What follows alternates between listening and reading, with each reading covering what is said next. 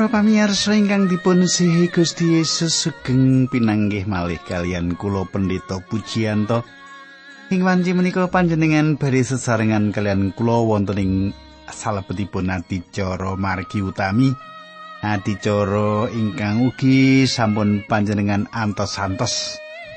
Margi utami menika kula aturaken dumateng panjenengan ingkang remen anggegilut pangandikanipun Gusti. Ingkang remen pikantuk kawruh-kawruh kasukman makaten nggih.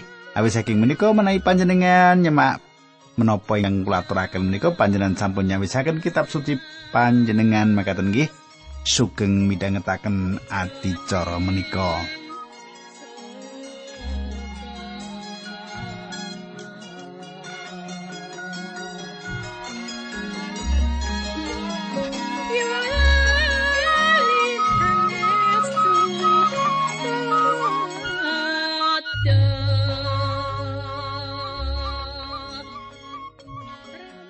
Kadang kula ingkang kula tresnani menapa panjenengan tasih kemutan menapa ingkang kula aturaken ing pepanggihan kepengker Tentunipun panjenengan tasih kemutan kula ringkes kemawon ing pepanggihan kepengker kita sampun nyemak pilih Paulus sawek wonten ing Athena. Menapa kemawon ingkang dipun tindakaken Paulus wonten ing mriku kita badhe nyemak wonten ing pepanggihan kita dinten menika nanging saderengipun kita ndedonga riyin. Monggo kita tumungkul kita ndedonga. Kanjeng Rama ingkang adhedhampar wonten kraton ing kasuwargan. Kawula ngaturaken gunging panuwun menawi wekdal menika kawula saged tetunggilan kalian sederek-sederek kawula ingkang setya tuhu midhangetaken adicara menika.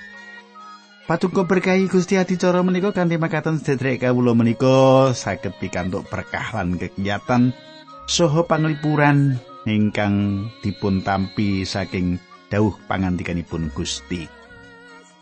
Kawula ndedonga menika wonten ing asmanipun Gusti kawula Yesus Kristus ingkang dados juru wilujeng kawula.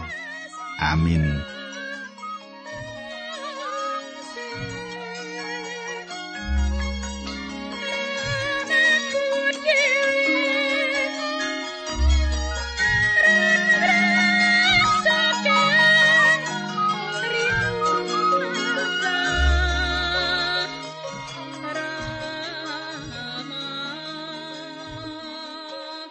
Para pamiyasa, samenika pasinon kita sampun ngancik ing para rasul pitulas.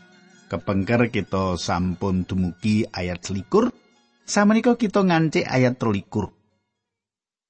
Wonten tiang ingkang sanjang pilih Paulus nglampahi gagal sawetahipun wonten ing Athena. Gagal anggenipun ngladosi. Nanging kula piyambak mboten sarujuk atas pemanggih ingkang kados makaten menika. Paulus mboten gagal wonten ing Athena, mboten. Nah, kita semak ayat kali likur. Rasul Paulus nuli ngadeg ing ngarepane perpatan Areopagus kono sarta sesorah para sederek ing kita Athena kula sumerep saking sedaya perkawis ketitik pilih panjenengan menika tiang ingkang ibadah.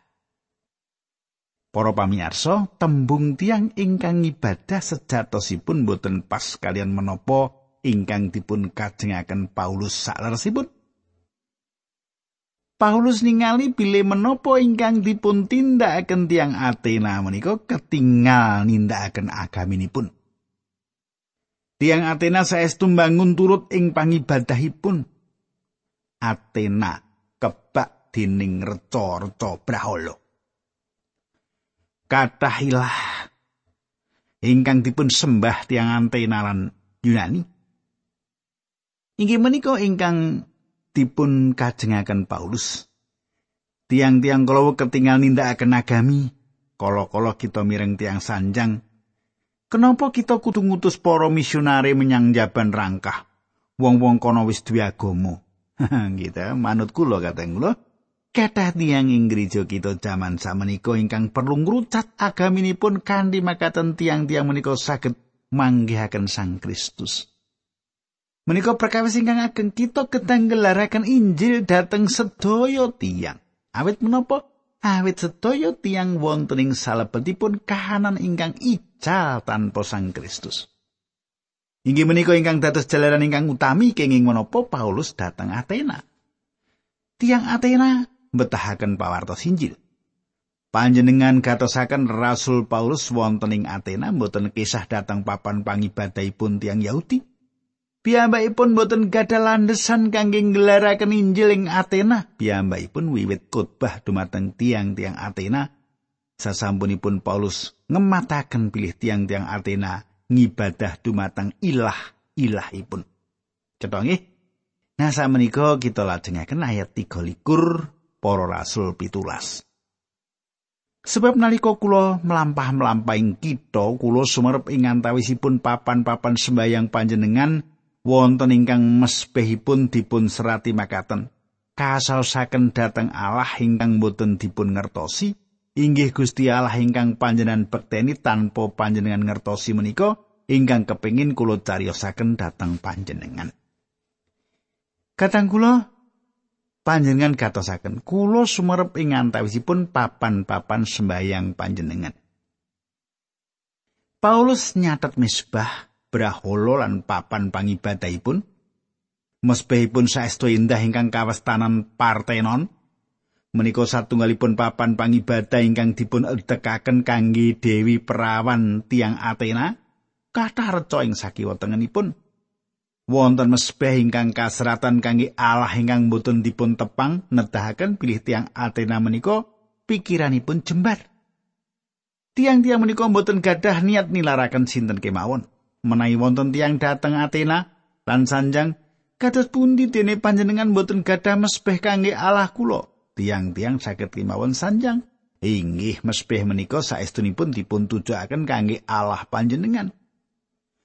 Kanthi cara ingkang kados makaten tiang monco saking pundi kemawon saged dumugi lan ngibadah ing mesbeh menika dumateng Allah ingkang boten dipun tepang kanthi pitados bilih reca menika dipun damel kangge Allahipun. Nanging para pamirsa, saking menapa ingkang dipun tindakaken menika ateges tiang-tiang Altena tepang bilih wonten Allah ingkang boten dipun tepang kalian piyambakipun. Kata tiang-tiang ingkang manembah dumateng brahala mangertos bilih kajawi tiang-tiang menika manembah brahalanipun tasih wonten Allah ingkang gesang lan nyektos. Tiang-tiang kalawa mboten tepang kalian panjenenganipun lan mboten mangertos kados pundi caranipun nyaketi panjenenganipun. Tiang-tiang kalawa gadah tradisi-tradisi ingkang mboten cetha lan ing jaman kepengker leluhuripun panci manembah panjenenganipun. Perkawis menika saged ugi dados masalah ingkang dipun lampahi tiang Athena. Paulus ngginakaken perkawis menika minangka dados cara kangge nglantaraken pawartosipun. Paulus sanjang bilih piyambakipun gadah kekajengan nglantaraken Gusti Allah ingkang boten dipun tepang menika. Sinten to panjenenganipun menika? Ingkang kawitan panjenenganipun inggih menika Allah ingkang nitahaken. Gusti Allah ingkang nyipta jagat raya menika. Ayat 24 jobi panjenengan semak inggih menika Allah ingkang sampun nitahaken jagat. Lan saisinipun inggih Allah menika Allahipun langit lan bumi. Allah menika mboten manggen wonten ing kuil-kuil utawi candi-candi damelanipun manungsa. Para pamirsa, Gusti Allah sampun ngandikaken gamblang sanget malah panjenenganipun maringi gambar kangge kemah suci ugi pedalaman suci. Gusti Allah mboten nglenggahi satunggalipun papan ing bumi menika tiang-tiang ingkang gesang wonten ing perjanjian lami sampun mangertos bilih Gusti Allah ingkang nitahaken samukawis. Gusti Allah ingkang gesang mboten saged nglenggahi satunggal bangunan ingkang sampun dipun damel dening manungsa. Manungsa gesang wonten ing jagat raya ingkang sampun dipun titahaken panjenenganipun. Kenging menapa? Manungsa gadah gagasan bilih piyambakipun saged ngedekaken satunggal bangunan kangge Gusti Allah supados dipun lenggahi. Katanggula pripun niku pikirane menungso gitu. Jagat wis ra kamot malah hargawi bangunan kanggo lenggah Gusti Allah nggih. Ayat selangkung. Panjenenganipun inggih boten betahaken secajen menapa kemawon saking menungso sebab panjenenganipun ingkang maringi ambegan lan gesang tuwin samukawis dateng Para pamirsa, perkawis menika dipun medharaken dening Paulus hendah sanget. Tiang-tiang Athena menika manembah srengenge. Tiang Athena sanjang bilih dewa Apollo tekanipun nitih kereta perang ngelangkungi langit saben dinten. Paulus sanjang bilih srengenge inggih menika Gusti Allah ingkang nyipta. Lan srengenge menika peparingipun Gusti Allah. Ingkang nyipta inggih menika Gusti Allah ingkang gesang. Panjenengan inggih menika ingkang sampun maringi samukawis dumateng panjenengan sami. Panjenenganipun ugi maringi kawilujengan dumateng panjenengan sami. Panjenenganipun boten kemawon maringi panjenengan perkawis-perkawis ingkang asipat badan jasmani, nanging ugi maringi ganjaran-ganjaran kasukman dumateng panjenengan. Kula lajengaken ayat 6 likur. Saking tiang setunggal Gusti Allah wau sampun ndadosaken bangsa-bangsa kapurih manggen ing salumaing bumi ngriki inggih Gusti Allah menika ingkang netepaken saking wiwitan mila wekdal sarta papan padununganipun piyambak-piyambak Para pamirsa sampun kathah sanget ingkang dipun hasilaken saking tiang satunggal menika kanthi mekaten kula gagas kita perlu nglencengaken pemanggih-pemanggih ingkang lepat ing ngriki. Panjarwa ingkang langkung sae kedahipun mekaten unggelipun panjenenganipun nitahaken saking satunggal tiang sedaya bangsa kangge umat manungsa. Gusti Allah sampun nitahaken umat manungsa. Ayat menika mboten ngrembak bab pasederekan.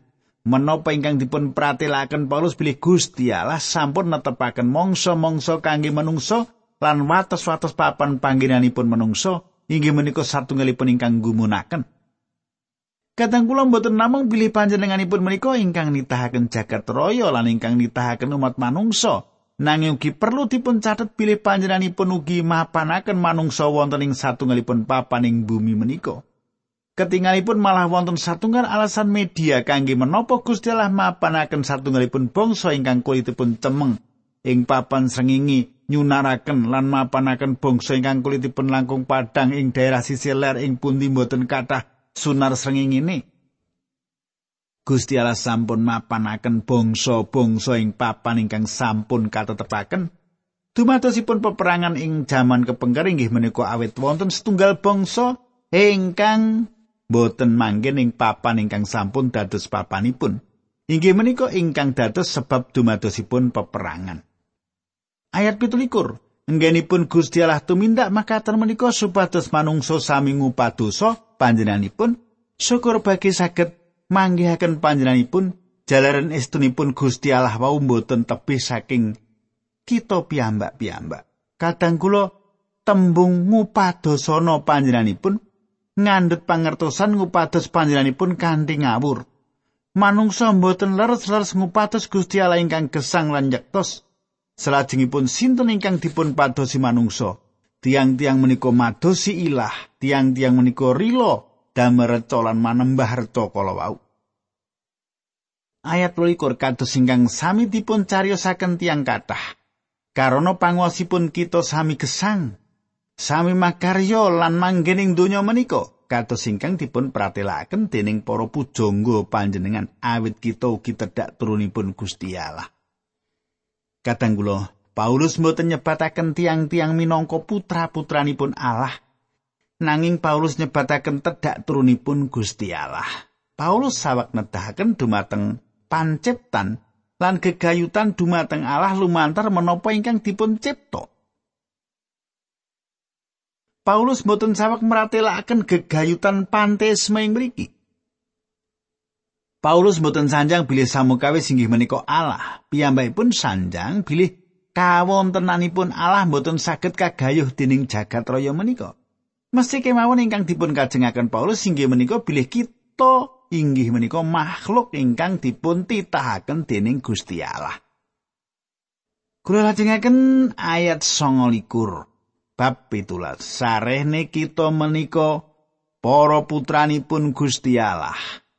Mila mboten leres menawi kita nganggep bilih kawontenanipun Gusti Allah menika kados reca ingkang kedamel saking emas sloka utawi sela ingkang kawangun miturut kapinteranipun manungsa. Kanthi tembung sanes Paulus sanjang bilih kita kedahipun boten dados tiang ingkang muja brahala.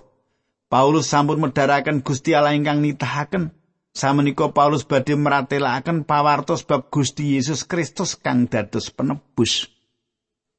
Kita lajengaken ayat tigang dosa.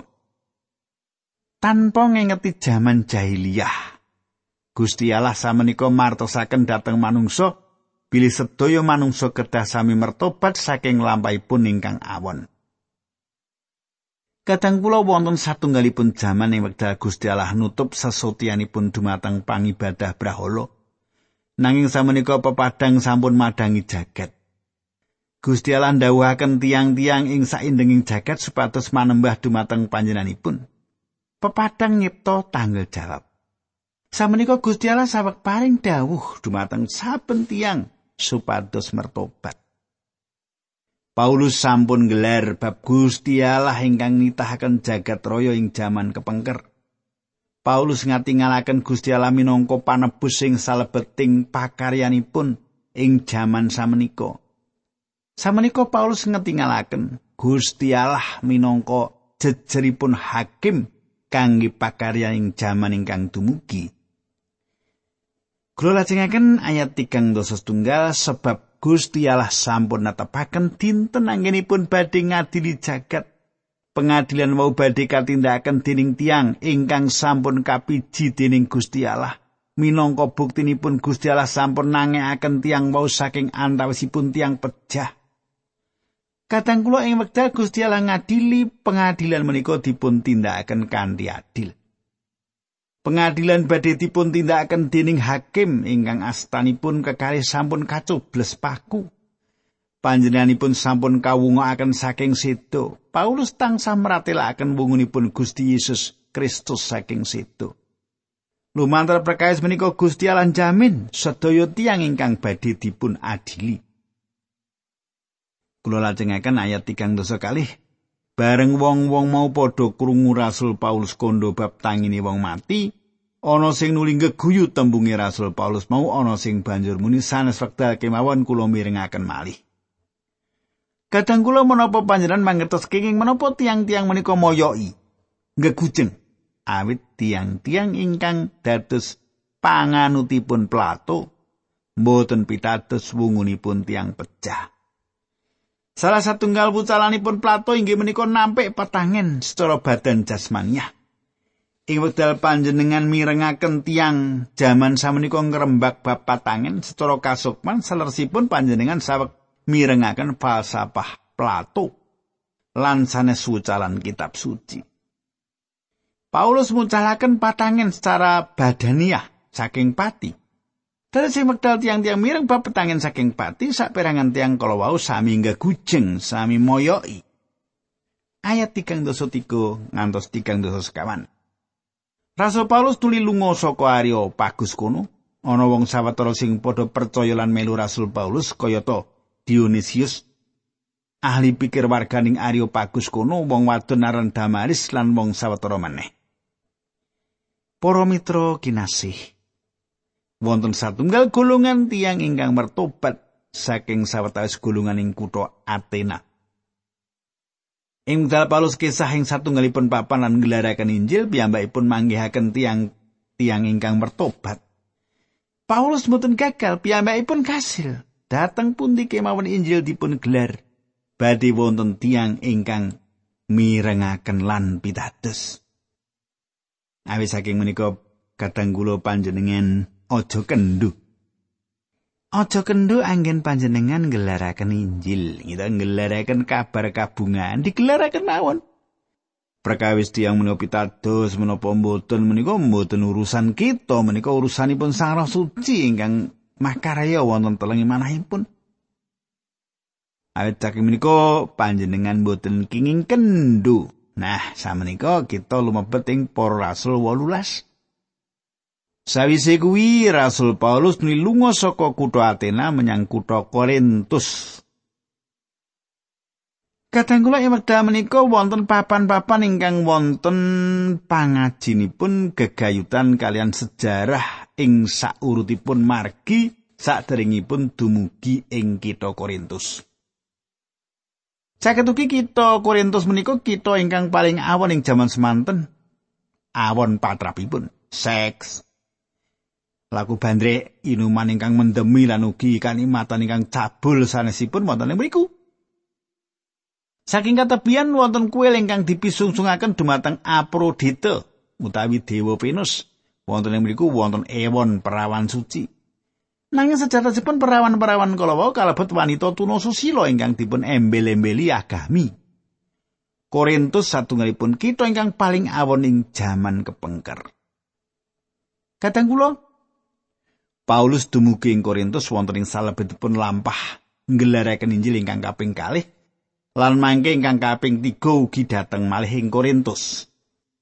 Kulo pitados bilih inggih wonten ing mriki Paulus saged nindakaken peladosan andayani.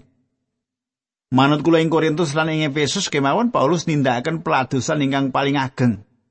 Efesus satunggalipun punjering keagamaan. Korintus satunggalipun punjering saking dosa. Kalih kita menika satunggalipun kita pusat dedagangan, pusat perdagangan.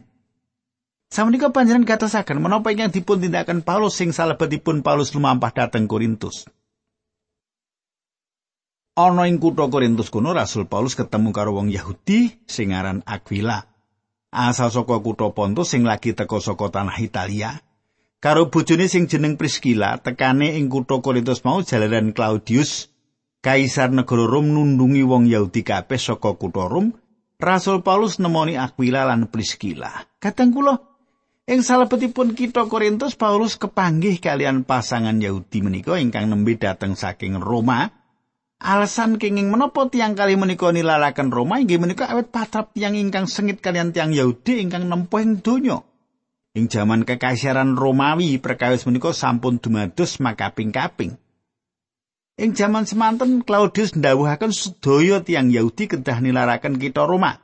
Ing antawisipun ingkang nilaraken Roma inggih menika kakung istri ingkang saestu ngedapi-dapi inggih menika Aquila lan Priscilla. Samenika bab 18 ayat 3 lan manggon omahe Brayat mau sarta nyambut gawe bebarengan karo wong-wong kuwi awit padha-padha tukang gawe tendo.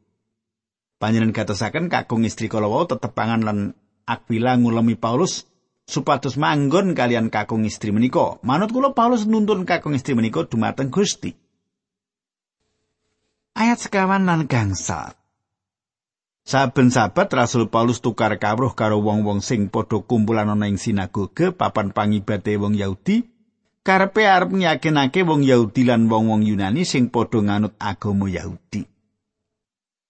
Bareng Silas lan Timotius teka saka tanah Makedonia, Rasul Paulus nulin mligi ngabarake Injil aweh pasaksi yen Gusti Yesus kuwi Sang Kristus sing dijanjake bakal rawuh dening Gusti Allah. Kadang kula ing kita ingkang kawitan pindah mlebet salebeting serat dumateng pesamaning Tesalonika. Kita badhe manggihaken bilih Paulus nerat ing jaman menika sesamunipun Paulus nampil laporan Timotius. Samenika piyambakipun rumaos bilih kedah meratelaken lan ngakeni bilih Gusti Yesus menika Sang Mesih. Ayat 6 Yen ana wong sing nolak lan ngololo, Rasul Paulus nuling ngetapake lebuning sandangane karo muni, Menawi namai sengsara kula aturi nyanggi piyambak kula mboten kalepatan dhateng panjenengan wiwit samenika kula badhe murupi tiang-tiang sanesipun. Cetha wela-wela kadang kula ing jaman menika Paulus saged mlebet meto Injil dumateng jagating tiang sanes Yahudi. Ayat pitu wolu. Wong-wong mau banjur ditinggal lunga dening Rasul Paulus banjuri Rasul Paulus mondok ing omahe wong dudu Yahudi nanging sing anut agama Yahudi wong mau jenenge Titus Yutus omahe Titus Justus mau sanding sinagoge kuno Krispus kepalane sinagoge mau lan sebrate uga percaya marang Gusti Yesus. Kejaba kuwi akeh meneh wong muliyane ing kutha Korintus kuno sing padha ngrungokake Injil sing diwartakake dening Rasul Paulus lan padha percaya wong sing padha percaya mau nuli padha dibaptisi Kadang kula Paulus nelasaken wekdal 18 wulan ing kitha Korinto ing pundi piyambakipun nindakaken pladusan ingkang ngidapi-dapi ing wekdal tiang Yahudi lumawan piyambakipun piyambakipun ngatosaken tiang-tiang sanes Yahudi. Kadang kula sapanjenipun kados pundi kelajenganipun perangan menika kita badhe nyemak ing dinten candhaipun tasih sinau kitab para rasul menika. Nah, kadang kula awit saking menika kula suwun panjenengan aja lali benjing ing pepanggen ingkang badhe dumugi kita badhe pinanggih malih. Nah, kadang kula kula matur nuwun atas tanggapan serat panjenengan ing program menika ingkang sampun mlebet ing meja redaksi kawula. meja kula menika. Sadèrèngipun pepisahan kula badhe ngaturaken salam dumateng Bapak Sakaria Sujadi nggih menika pegadingan nggih. Nah, serat panjenengan sampun kula tampi Pak Sakaria Gusti berkahi panjenengan sak keluarga. Monggo kita ndedonga sesarengan. Duh Kanjeng Rama ing swarga kawula matur nuwun menawi kawula sampun saged mbabaraken pangandikan paduka sinau cekak nanging kawula suwun saged merenani lan ndadosaken kegiatan sederek-sederek kawula menika linambaran asmanipun Gusti Yesus Kristus kawula tunggu haleluya amin